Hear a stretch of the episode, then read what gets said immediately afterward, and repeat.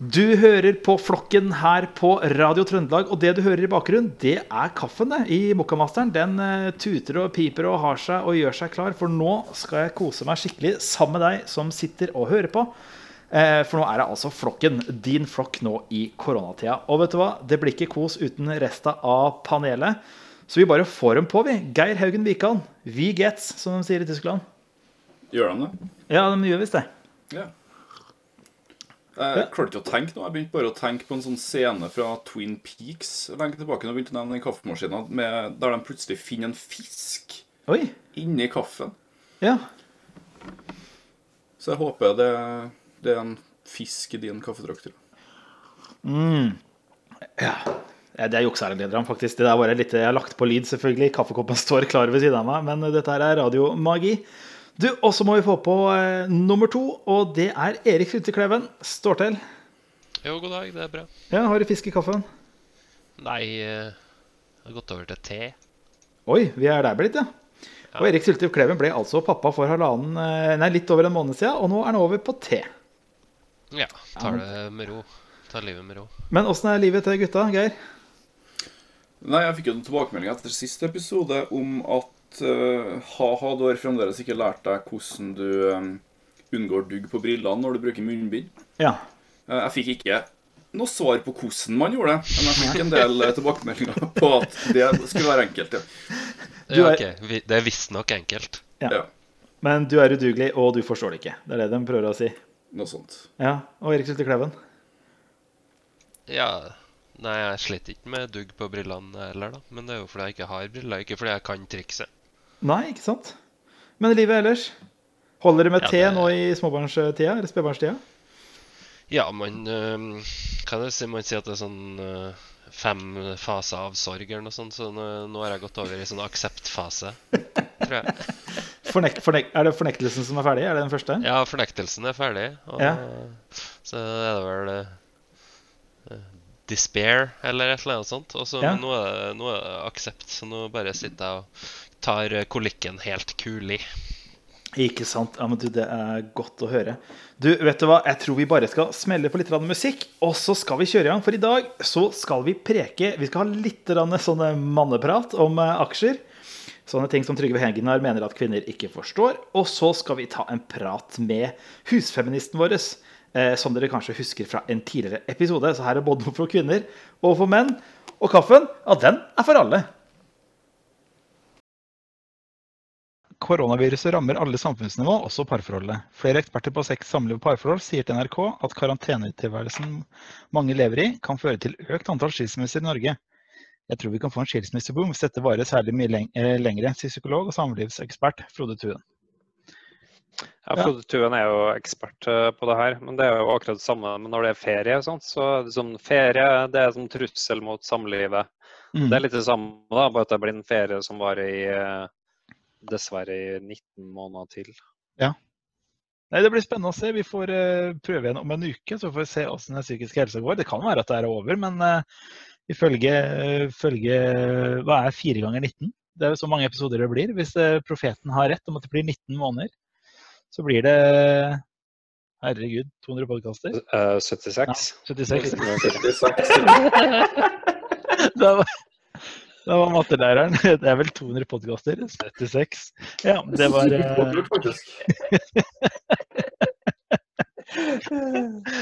Du hører på Flokken her på Radio Trøndelag, og det du hørte der, var et lite klipp fra den aller første podkasten vi spilte inn 20. mars 2020. Altså en uke etter at eh, Norge ble stengt ned. Og det klippet der det befesta jo at jeg, Anders Ostad Lilleng, er den tetteste i flokken. Og det passer bra, for nå skal vi snakke om noe jeg egentlig ikke forstår noe som helst av. Og det er aksjer. For nå er det et eller annet som skjer borte i USA. Hva er det som skjer, Geir? Nå skal, må vi jo legge til at vi egentlig ikke er så veldig flinke til det her heller, men vi skal prøve å forklare det likevel. Ja, for det her, er, her er, gjelder det å holde tunga i rett munn. Hvis noen husker tilbake til en episode, så forklarte Dag oss hva shorting betydde. Det var ingen av oss som visste det. Stemmer Men nå tror vi at vi vet det. Så det som har skjedd, er jo at en GameStop-aksje, altså firmaet GameStop som Altså spillbutikken? Fantes i, ja, fantes i Norge før, men ikke lenger nå, så vidt jeg vet. De hadde en De aksje hadde, som de hadde butikk på Torgkvartalet på Stjørdal. Ja, Ja. det var derfor det gikk som det gikk. Og så var den på City Syd, og så var det på nede i, eh, nede i Midtbyen. De hadde i alle fall en aksje som lå ganske lavt. Jeg tror den lå på ca. 3 dollar per aksje. Eh, og da var det en del hedgefond som hadde shorta denne aksjen. Og shorte vil da si at de har lånt den og solgt den videre. Og på et tidspunkt så må de gi tilbake den aksjen her de har lånt, så da satser de egentlig på at de skal gå konkurs eller gå så lavt at de slipper å betale. Men isteden så var det en bruker på neste Reddit og her er jo det som er litt sånn morsomt. Det er så- det er jo Det må jo sies med alt som skjer i USA i dag, så er det jo veldig den derre meme-kulturen på internett som har tatt over. Hvis du ser på f.eks. Uh, grupperingene som gikk mot Kapitol, så hadde jo Proud Boys, som har tatt navnet sitt fra en sang fra musikeren Aladdin fra 2011, Oi. og Boogaloo Boys, som hadde eh, som hadde tatt navnet sitt fra en film fra 80-tallet. En film om dansing fra 80-tallet. Ja. Og her har du da på en måte dere eh, nettstedet Reddit. Eh, Han typen som fant, eh, fant ut av hele den planen her, han kaller seg vel for Deep Fucking Value. Og han Hvis fant det er lov å at- si. Ja, hvis det er lov å si. Og han fant vel ut det at denne aksjen den, Det er egentlig ikke noen grunn til at den skal gå til null. For GameStop hadde veldig lite gjeld, og ja, de kunne jo bare gå oppover. Så han fikk med seg en haug med folk til å kjøpe aksjer. Som gjorde at aksjekursen skjøt i været. Jeg lurer på om den lå på 485 dollar på høyeste. Ja. Så de her hedgefondene som eh, hadde ja, lånt aksjene og nå må betale tilbake fra 3 dollar til 485 eller 300 eller hva det nå lå på, de taper jo helt utrolig mye penger. De tapte jo flere milliarder dollar. For, for her er jo én ting jeg lurer litt på, som jeg bare må få forklart som den tetteste i flokken. Erik Sylte Kleven, hva er det som gjør at de taper penger nå, hedgefondene? Hva er det som gjør at de plutselig nå de sliter så voldsomt? Nei, det er jo som uh, Geir snakker om det her med det som kalles shorting. At man eh, da kjøper aksjen, og så uh, Nei, man låner aksjen, og så skynder man seg å selge den aksjen man har lånt. Mm. Og da sitter man jo da med den verdien aksjen har i dag, si at det er 10 dollar. Så sitter du da med 10 dollar i lomma, men ingen aksje. Uh, men du har, må jo gi tilbake den aksjen du har lånt på et eller annet tidspunkt. Ja. Uh, og når du da skal gjøre det, da, så hvis den da har gått ned til 5 dollar, så Ja. kan du jo kjøpe den samme aksjen for 5 dollar. Ja. Uh, altså halvparten av dem det du solgte den for, og så gir du tilbake aksjen. Og da sitter du jo med 5 dollar og ja, har tjent det. Så det potensielle gevinsten her er jo fra det punktet aksjen ligger på, og ned til null, da. Ja. Eh, mens det potensielle tapet er jo i teorien uendelig. Fordi du kan jo tape mye, mye mer enn det du går inn med da, når du gjør sånne her type transaksjoner. Så derfor er det en mye mer risikofylt eh, type investering enn det er å bare kjøpe aksjer. For da vil du eh, for det meste bare tape det du eventuelt har satt inn. Mens hvis du shorter en aksje, så kan du tape mye, mye, mye mer enn det du har satsa. Og det er det hedgefondene gjør nå? Ja, det er det de Ja. gjør. Ja. Og hvis jeg ikke har forstått det helt feil, så har de jo faktisk shorta flere aksjer enn det faktisk går an å kjøpe på. Jeg skjønner ikke at det er mulig.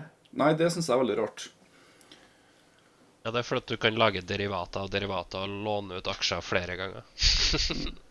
og bare håpe at ingen kommer og faktisk vil ha den aksjen. Men, men dette her lånet, si f.eks. at du, Erik, hadde lånt en aksje av Geir. Er det da en, på en måte en avtale mellom dere om at eh, det her er det som foregår? Er det sånn det fungerer i Vet dere det? At det er litt sånn blunk, blunk? Nei, eh, det er som oftest en, en aktør som sitter i midten og ordner det her dealsen, skal jeg si. Det er, vel, det er ikke eh, fra person til person. Nei. Så nå sitter det altså en gjeng eh, rundt omkring. Jeg ser jo for meg at det sitter en gjeng rundt og spiser Grandiosa og drikker Monster og holder på med de greiene her. Hvorfor tror dere den gjengen her gjør det, egentlig? Jeg tror ikke det er så veldig langt unna det bildet av folk, nei. Men gru, altså, grunnen til at de gjør det, er jo veldig sammensatt. Du skulle jo kanskje trodd at det handler om å tjene mest mulig penger. Men det er det jo ikke jeg, for veldig mange. For det er blitt nærmest en bevegelse. Og for alle som har eksempel sett UXA-serien til Thomas Seltzer, eller fulgt med litt i Amerika de siste årene, så har man jo sett det at forskjellene har blitt større og større, og at rikingene tar over mer og mer. Hvis man ser tilbake til finanskrisa, så hadde man jo på en måte demonstrasjonstog der folk gikk med plakater og hadde Down with Wall Street, og at de har på en måte ødelagt livene deres. da. Og da ser du et sånt bilde av de her em, demonstrantene som går der, har den her plakaten, og så ser du på en måte oppi et vindu, så sitter hedgefondforvalterne med champagneglass og ser ned på dem og flirer. Og her er jo kanskje de folkene, eller ungene til de folkene, da, som, kan, som eventuelt har fått livet sitt i ruin, eller eh, altså, mista alt de hadde. Så Ja. nå ser det som en mulighet til å ta igjen. Ja. ja. For at de i Wall Street de reagerer jo på at det her skjer. Hva tenker du om det, Erik? Har du noen grunn til å reagere? Nei, altså Det var vel hun Alexandra Ocasio-Cortez som sa at hun syntes det var ganske komisk at folk som uh, har behandla økonomien vår som et kasino i all tid, nå er kjempesint fordi at andre folk behandler økonomien som et kasino. Det er jo Uh, De blir jo tatt litt i sitt eget spill her, kanskje. Ja. Og ja, uh, om det om det fører til noe bra totalt sett, det vet ikke jeg ennå. Vi får se. Ja. Eh, men det kan jo kanskje få flere folk til å lære om eh, investeringer og om eh, Ja, kanskje vi burde ha flere reguleringer på, på aksjehandel, og spesielt da shorting og sånne ting, som, som delvis også var noe som forverra finanskrisen betraktelig, eller var med å, var med å eh, førte til finanskrisen i 2008. Men, men ser det ut som at man risikerer at en ny finanskrise kan skje pga. her? For nå driver man vel og kjøper opp flere aksjer fra flere selskaper også? Eh, nei, det tror ikke jeg. Og det, det er litt det, det er noen flere selskaper, men, eh, men eh, det er også mye, eh, mye tull ute på nettet nå som ikke stemmer med at nå er det neste målet er, er sølv, og at sølv skal kjøpes opp og opp der, ikke sant? Men, men det stemmer ikke. Det, det er ikke Jeg tror det er vanskelig å fange lynet i en flaske to ganger, ikke jeg si. Jeg tror det er en enels, en engangssak, det her, det her fenomenet som skjedde nå. altså. Og så må vi ikke glemme at det sikkert er ganske mange som kommer til å tape ganske mye penger på det her òg. Som går Ja. inn nå og forventer at dette skal øke og øke og øke, og så går det egentlig bare nedover isteden. Men én ting er sikkert. Flokken består. Ja, vi får nå se da, om Erik sin ene aksje fører han ut i ruin eller ikke. Oi. Nei, jeg skal tåle, tåle å tape den, altså.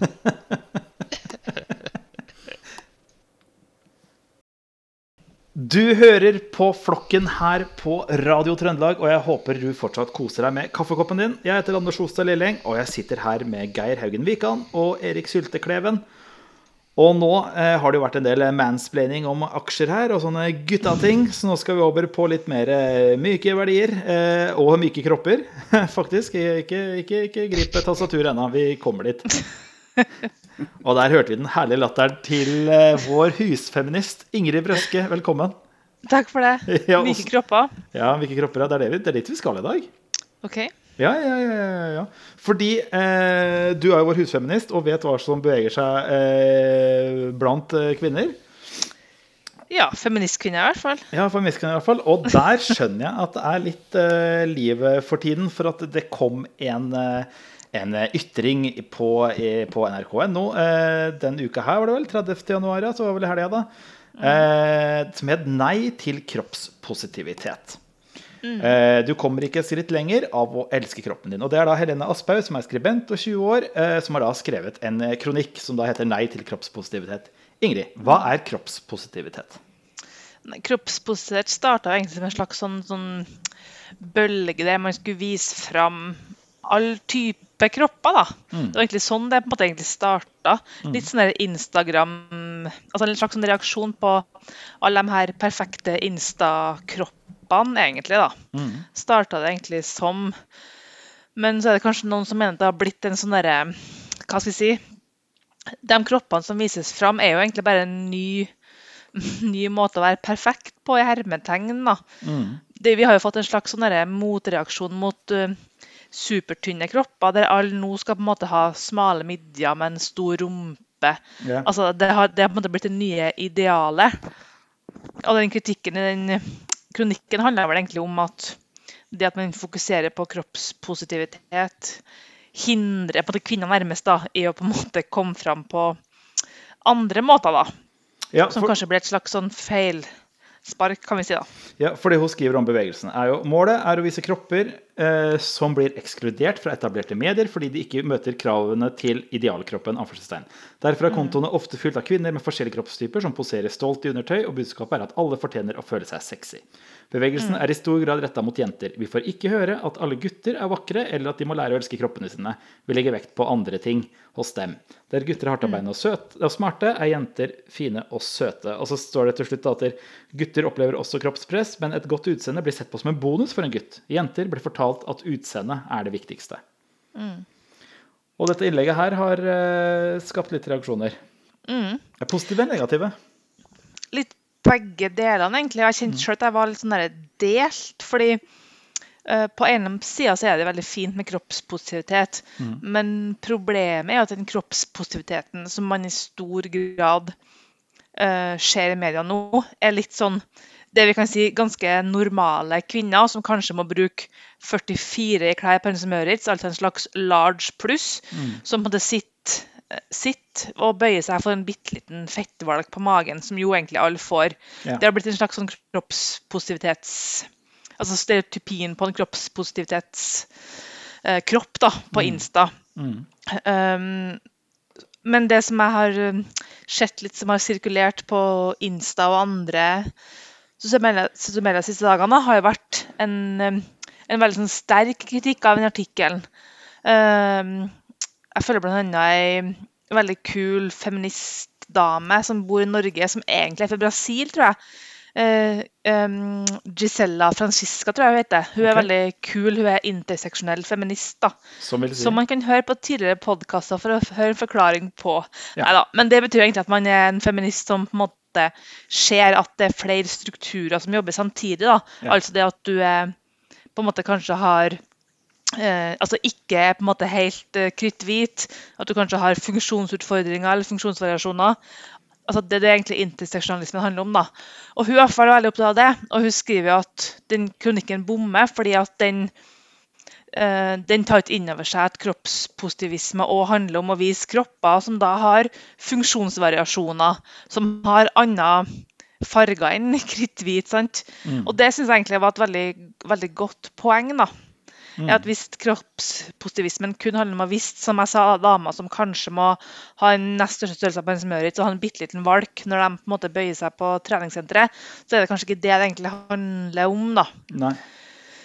Men så skal man kanskje igjen da være litt sånn forsiktig med å liksom gå helt sånn akademisk til angrep på en skribent på 20 år som egentlig bare prøver å kanskje sette fokus på noe som er et reelt problem. da.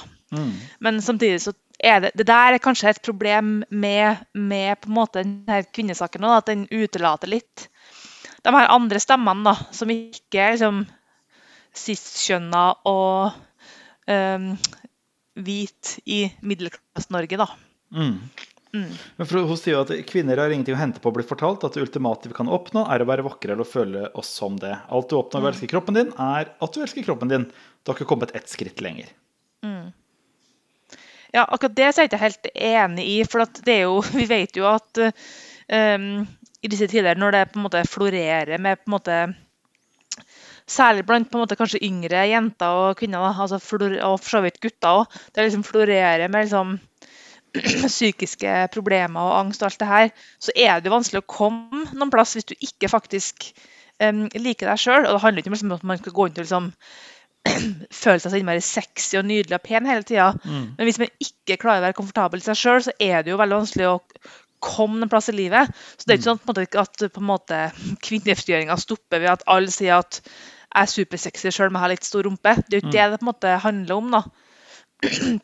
Så jeg tror nok den kroppspositiviteten har mer positivt enn negativt. Helt klart. Mm. Hva tenker du, Geir Haugen Wikan, som eh, hvit mann eh, 30 pluss? Kroppspositivitet, er det noe du tenker på sånn eh, i hverdagen? Nei, aldri. Nei. Jeg syns i det hele tatt at positivitet i det hele tatt er noe jeg tenker veldig lite på. Erik Sylte Klevne, du er jo langt mer positiv. Jeg er positiv, ja. Ja. Jeg er positiv til både feminister og ikke-cis-kjønnede og hva det nå skulle være. Mm. Uh, men jeg vet ikke Uh, altså, Jeg er litt enig i det her med at liksom det her fokuset altså, Ja, det må være plass for dem som ikke har idealkroppen også, til å, til å være søt på internett, liksom. Men da er det jo fortsatt det som er fokus. Eh, Det var noen for en god stund tilbake som hadde et innlegg om at hva er det med alle dere treninga? Hvorfor er vi så det er treninger? Liksom, du får jo ikke tid til å lese noen bøker eller å tenke på noe filosofi når du bare skal foredra springe og svette hele tida, liksom. Uh, og det er jo noe av det, og da hva vi velger å bruke eh, tid og energi på. Samtidig så tenker jeg også på at ikke for å være sånn at man skal eh, ta det bort heller, men det er jo ikke det, det er lett å si sånn å, sånn typisk damer er så opptatt av kroppen sin og sånne ting, men samtidig så er jo det her et problem for unge menn i vårt samfunn i dag òg, med det fenomenet som vi kaller incels, eller involuntary celibate. Uh, Mm. Gutter da, som har et veldig dårlig kroppsbilde og er på internett og snakker om hvor stygge de er, og ikke sant, at de kommer aldri til å få noen fordi at de er eh, underlegen. Og du ser jo der også hvor, hvor mye eh, et dårlig kroppsbilde og sjølbilde kan påvirke livet ditt, og hvor mye det kan begrense deg i din utfoldelse. Ja, eh, bare for å være litt sleivete, hovedproblemet til incels er vel ikke at de er på en måte for stygge, det er vel andre ting som er utfordringa der. Det Det var en sleivete kommentar, der, Jeg skjønner det. ja. Men, eh, men jeg, at jeg er helt enig i Erik at det er jo egentlig et like stort problem dette her med gutter. Og det er kanskje nesten et større problem, fordi at, at kvinner har fått såpass mye Altså, det har vært så mye fokus på kvinner sine problemer innenfor dette her spekteret. Men dette her med liksom eh, vi ser jo at det er jo flere flere menn som får spiseforstyrrelser. eh, som får utfordringer i forhold til det her med at de ønsker å bli så stor som mulig. Så det her mannsidealet er jo egentlig like uh, like farlig, om ikke farligere, enn det her kvinnekroppsidealet. da. Men kanskje at vi på en måte på veien til at kropp ikke skal være så forbaska viktig, så må vi kanskje snakke om andre typer kropper. da. Det tror Jeg Jeg tror ikke at vi på en måte kan gå fra um, de her, alle de her perfekte kroppene til at nei da, kropp betyr ingenting. Jeg tror at på veien til at kropp skal være mindre viktig, så må vi ha litt kroppspositivitet òg, da. Tror jeg. Mm. Du hører på Flokken her på Radio Trøndelag. Og jeg, Anders Holstad Lilleng, og mine to kompanjonger, Geir Haugen Wikan og Erik Syltekleven, har med oss vår husfeminist Ingrid Brøske i dag. Og vi preker om kroppspositivitet. Og du, for de som har kobla seg på nå, Ingrid, kort, hva er kroppspositivitet? Det handler vel egentlig rett og slett om å på en måte eh, feire at eh, ingen kropper er like, og det finnes egentlig ikke én perfekt kropp. Og så handler det også i stor grad om å faktisk da vise kropper som ikke er den her stereotype tynne, pene, hvite i stor grad kroppen, da, egentlig. Fordi nå har vi før eh, litt tidligere så snakka vi om en, et innlegg som het 'Nei til kroppspositivitet', der hun mente at det eneste man får ved å elske kroppen sin, er at man eller Alt du oppnår ved å elske kroppen din, er at du elsker kroppen din, og man går da ikke fremover i eh, altså i eh, utviklinga som, som kvinne osv. Men eh, så kom det et innlegg til, og det var med Camilla Lorentzen, og hun er visst influenser, står det her. Hun skrev et innlegg som het 'Ja til kroppspositivitet'. Der ingressen er 'Hvis du elsker kroppen din, får du frihet til å gjøre hva du vil'. Og dette innlegget her eh, er et sånt innlegg som her skal du få, få lov til å forklare meg hvorfor. For jeg ble bare irritert av det innlegget der. Og jeg, så jeg endte opp med å tenke tja til kroppspositivitet. Jeg kan bare lese litt så, leserne, så lytterne skjønner hva det handler om. Skal vi se, Hun skriver Du kommer ikke et skritt lenger av å elske kroppen din, skriver Helene Asphaug i sin kronikk på Ytring. Det vitner kun om én ting. Hun har misforstått hva kroppspositivisme handler om. Jeg forstår det godt. Dag ut og dag inn blir vi eksponert for en feed på sosiale medier som flommer over av kropp. Og enda mer spesifikt kvinnekropp. Går vi noen år tilbake, var det som regel kun én type kropp som ble vist fram. Den slanke, hvite, cis-kjønnede kroppen. Her må jeg stoppe opp. Stemmer det? Er ikke all barokk kunst eh, lubne mennesker? Sorry, lubne var ikke pent å si. Det trekker jeg tilbake. Nei, Nei, jeg står for det. Ja. Det er ikke sikkert du tenkte på barokken når du sa kom Mest sannsynlig ikke. Her er jeg enig med Erik. Her er jeg enig med er Erik. Jeg tror kanskje ikke hun tenker år tilbake tilbake. barokken. Men altså sånn som, eh, sånn som eh, Anna Nicole Smith, og, vel ikke? Hun var hvit og cis-kjønnet, men slank var hun vel ikke? Men det der har jo også blitt en slags sånn merkelig sånn myte som har sirkulert. Da, liksom at uh, Marilyn Monroe var liksom så, så stor i Frodig. hermetegn, og sammen med Anna Nicole Smith. De var jo egentlig ikke det. Nei, det er sant, det. Nei. Og det handler jo òg om en sånn korrekt måte å være det du kaller lubben, da, eller stor på. at man på en måte har de her smale midja, men likevel de her store puppene og store rumpa. da. Mm. Så det blir en sånn superkorrekt måte å være stor i hermetegn på. Det er sant, sant, det, sant det. Jeg tar på meg den. Vi leser videre. Med framveksten av sosiale medier som et forum for aktivister har også andre kropper begynt å finne veien til skjermene våre. Vi ser store kropper, små kropper, kropper med funksjonsutfordringer, melaninrike kropper og kvinnekropper med hår. Vi ser arr og valker og kvinner som tør å legge ut bilder av kroppen slik den egentlig ser ut, uten å retusjere, posere og fikse før publisering. publisering. Det får mange til å stille seg spørs samme spørsmål som Asphaug. Er det ikke snart nok? Mitt enkle svar er nei, det er på ingen måte nok. Det er, ikke, eh, det er det ikke før vi kommer dit at alle mennesker, uavhengig av hvordan det ser ut, blir behandla med respekt og har de samme mulighetene for å lykkes. Det er jeg jo helt enig i. Det kan jeg gjøre. Å være kroppspositivist positivist handler ikke om at alle skal føle seg vakre slik som de er. Faktisk har ikke skjønnhet noe med dette å gjøre i det hele tatt. Er vi med og enige så langt? Ja. Ja. Den kroppspositive bevegelsen er tvert om skapt ut fra tanken om at alle fortjener samme rettighetene og mulighetene, uavhengig av hvordan de ser ut. Som en slank, hvit, cis-kjønnet kvinne Cis-kjønnet var kort for lytterne. Hva er cis-kjønnet?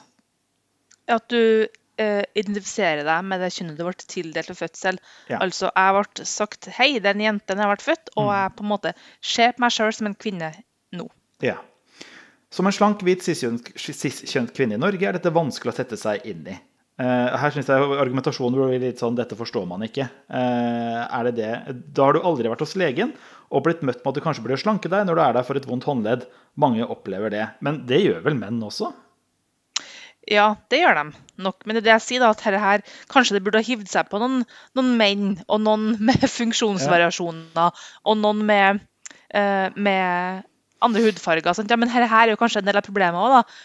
Er at vi i så veldig liten grad hører de her, eller hører de her stemmene og ser de her kroppene i norsk medievirkelighet. da. Ja. Mm.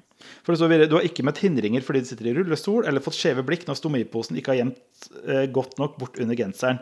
Og her begynner jeg å bli sånn var det ikke... Jeg skjønner at det er kroppspositivisme, men nå Jeg tror ikke det er det hun forrige snakker om. Hun snakker om det her om tynn eller slank eller midje og pupper og sånne ting. Så jeg mener, hun på en måte slenger inn argumenter som er noe helt annet enn det andre snakker om. da. Jeg vet ikke Åssen er det i forumet der hvor du henger? Nei, jeg tror jo egentlig at vi, vi snakker om Det høres ut som at jeg er på sånn superhemmelig kvinneforum, noe Ja, som ja, for så vidt egentlig er sant òg. Ja, det er QAnon Q&A eh, for eh, kvinner. Ja, kvin uh, ja, og det er jo derfor, for at jeg er jo egentlig veldig opptatt av trening. Det er derfor jeg trener. Ja. Så jeg skal være klar når revolusjonen kommer og vi kvinner skal ta over. ja. Kvinner Einan, er ikke det gruppa heter? Ja. Ja. Queens Einan. Så jeg må være klar. eh, derfor begynner jeg å bli supersterk, så jeg kan være klar til revolusjonen. Men samme det. Men jeg tror jo at man egentlig mener det samme her, med at man kanskje uttrykker seg litt knøklete. Og derfor jeg syns at um, Jeg er jo egentlig helt enig i kritikken av det her første innlegget. Eh, men samtidig tenker jeg at man må gi folk litt goodwill. Jeg tror egentlig at vi er på samme side. Mm. Dette her med at man ønsker å se et mangfold. da. Mm. Og så tenker jeg at vi er jo på en sånn farlig vei Mm. når på en måte eh, ungdommer eh, ikke på en måte vet at det, at det er vanlig å ha hår under armene og Mm. på en måte aldri har sett på en måte kjønnshår, nærmest. da. Altså Vi er på en farlig vei da, hvis man tror at man kan bruke bodylotion for å slippe strekkmerker. Ting som er helt vanlig. Og menn får jo strekkmerker. sant ja?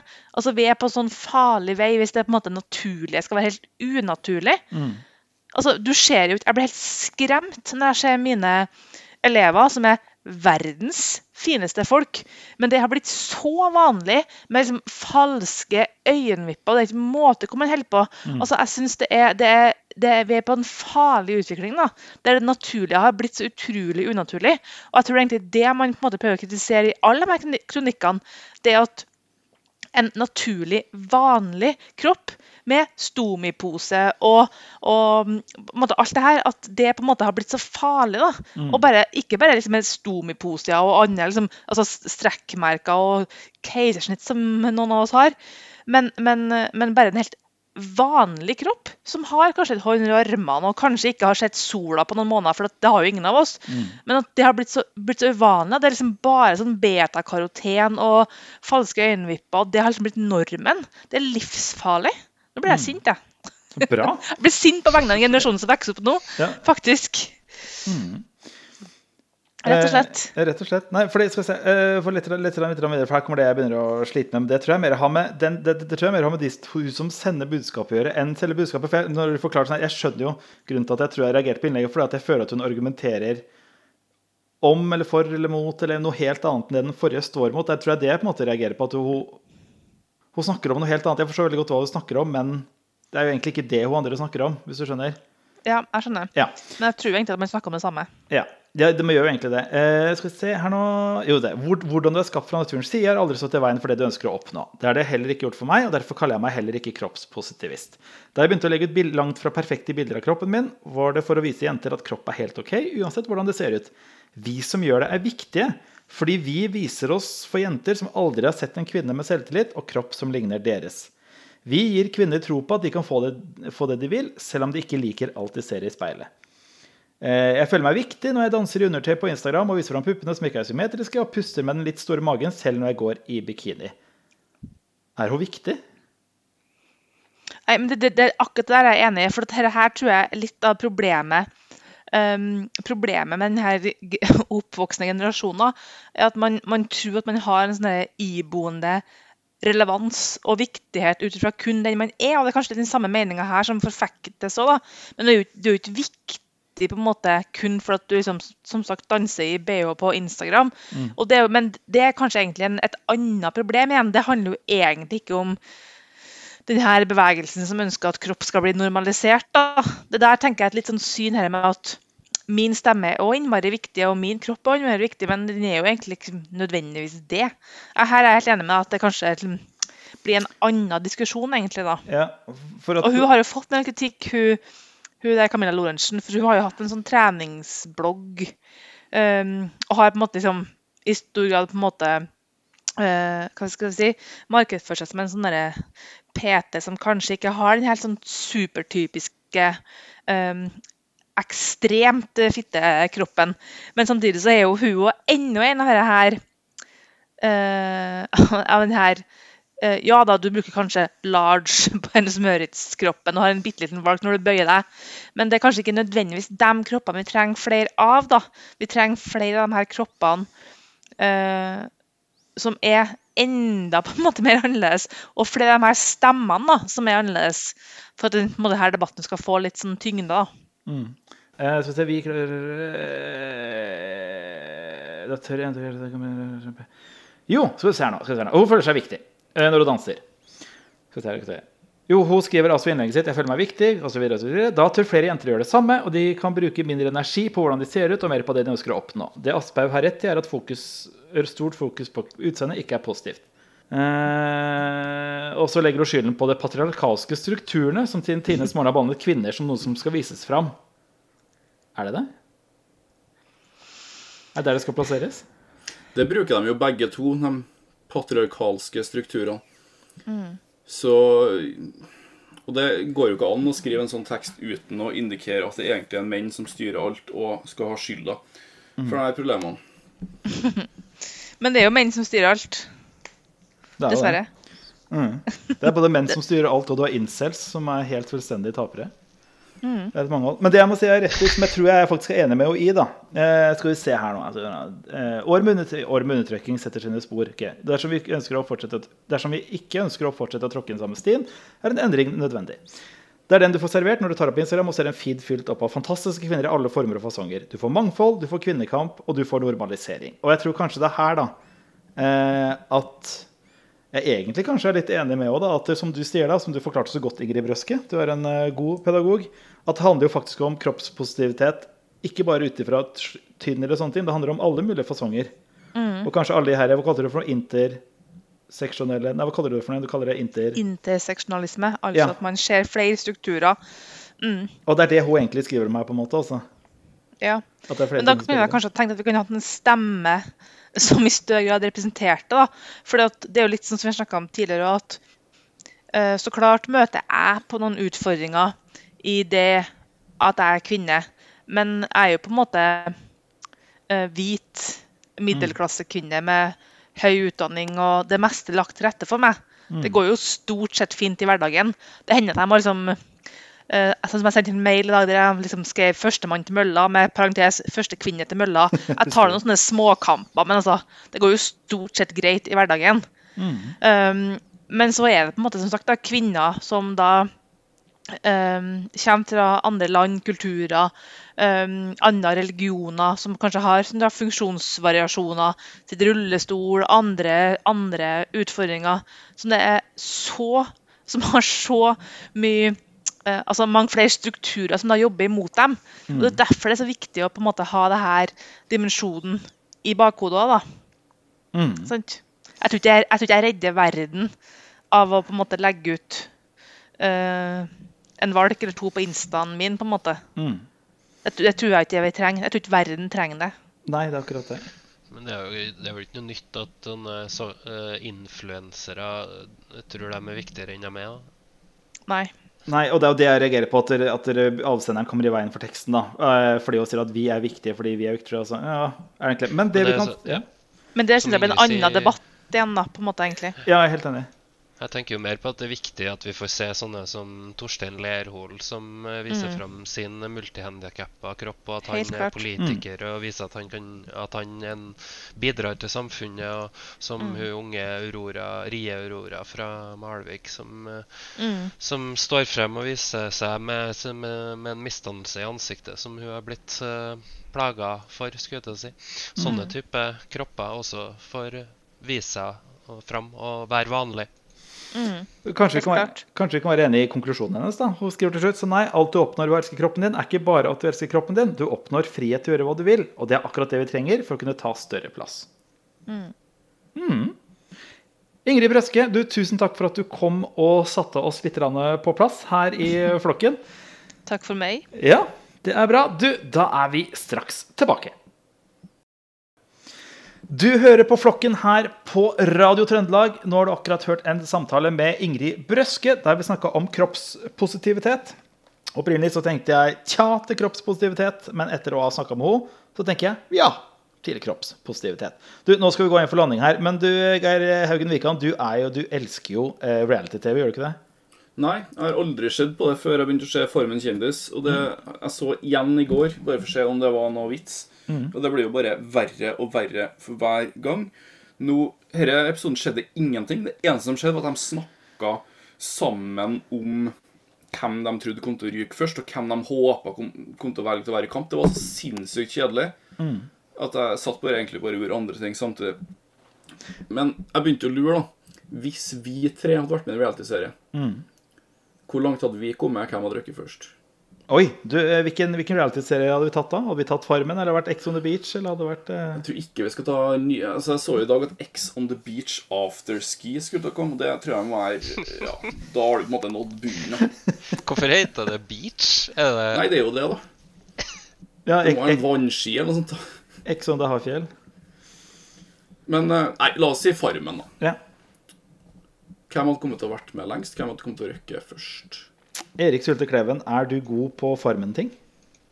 Jeg vet ikke, altså. Det dem eh, Jeg liker ikke å slakte, eh, slakte dyr og griser og høner og sånne ting, tror ikke jeg. Og, men jeg kan godt uh, drev, gå med plog og sånne ting, da. Jeg vet ikke.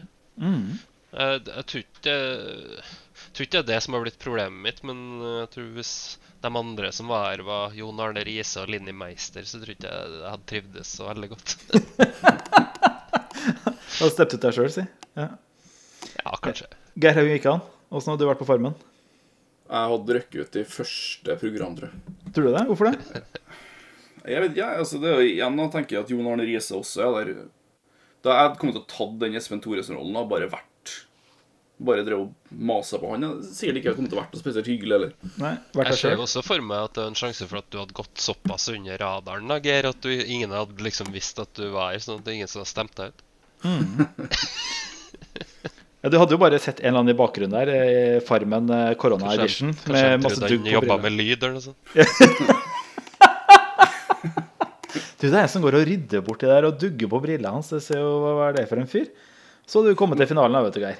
Jeg har en veldig spes spesifikk eh, spådom for din del, Anders. Ja? Du hadde jo kommet til å blitt med ca. halvveis uti. Ja?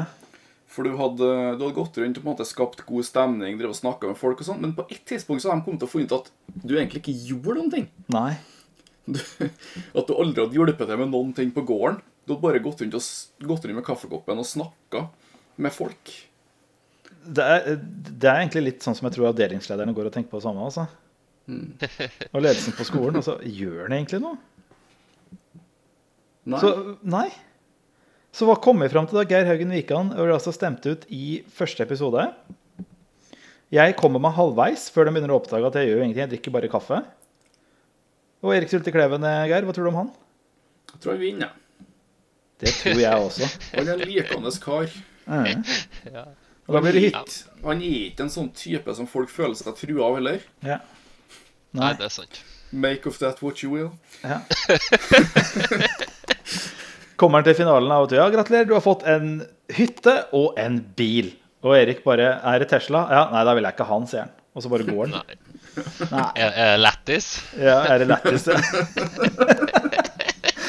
Og med det så takker vi oss eh, for oss her på Flokken denne uka her. Har du lyst til å høre episoden om igjen, eller noen tidligere episoder, så går du inn på Spotify og søker på Flokken. Eller går inn på Facebook-sida vår og finner episodene der. Send gjerne en hilsen. Send inn hvis det er noe du reagerer på. Send hat til meg, og skryt til de andre. Og så prekas vi neste uke. Erik Lyttekleven, takk for i dag. Takk for i dag. Geir Haugen Wikan, lykke til med Dog på brillene. Takk for det. Og til dere som hører på, vi prekas!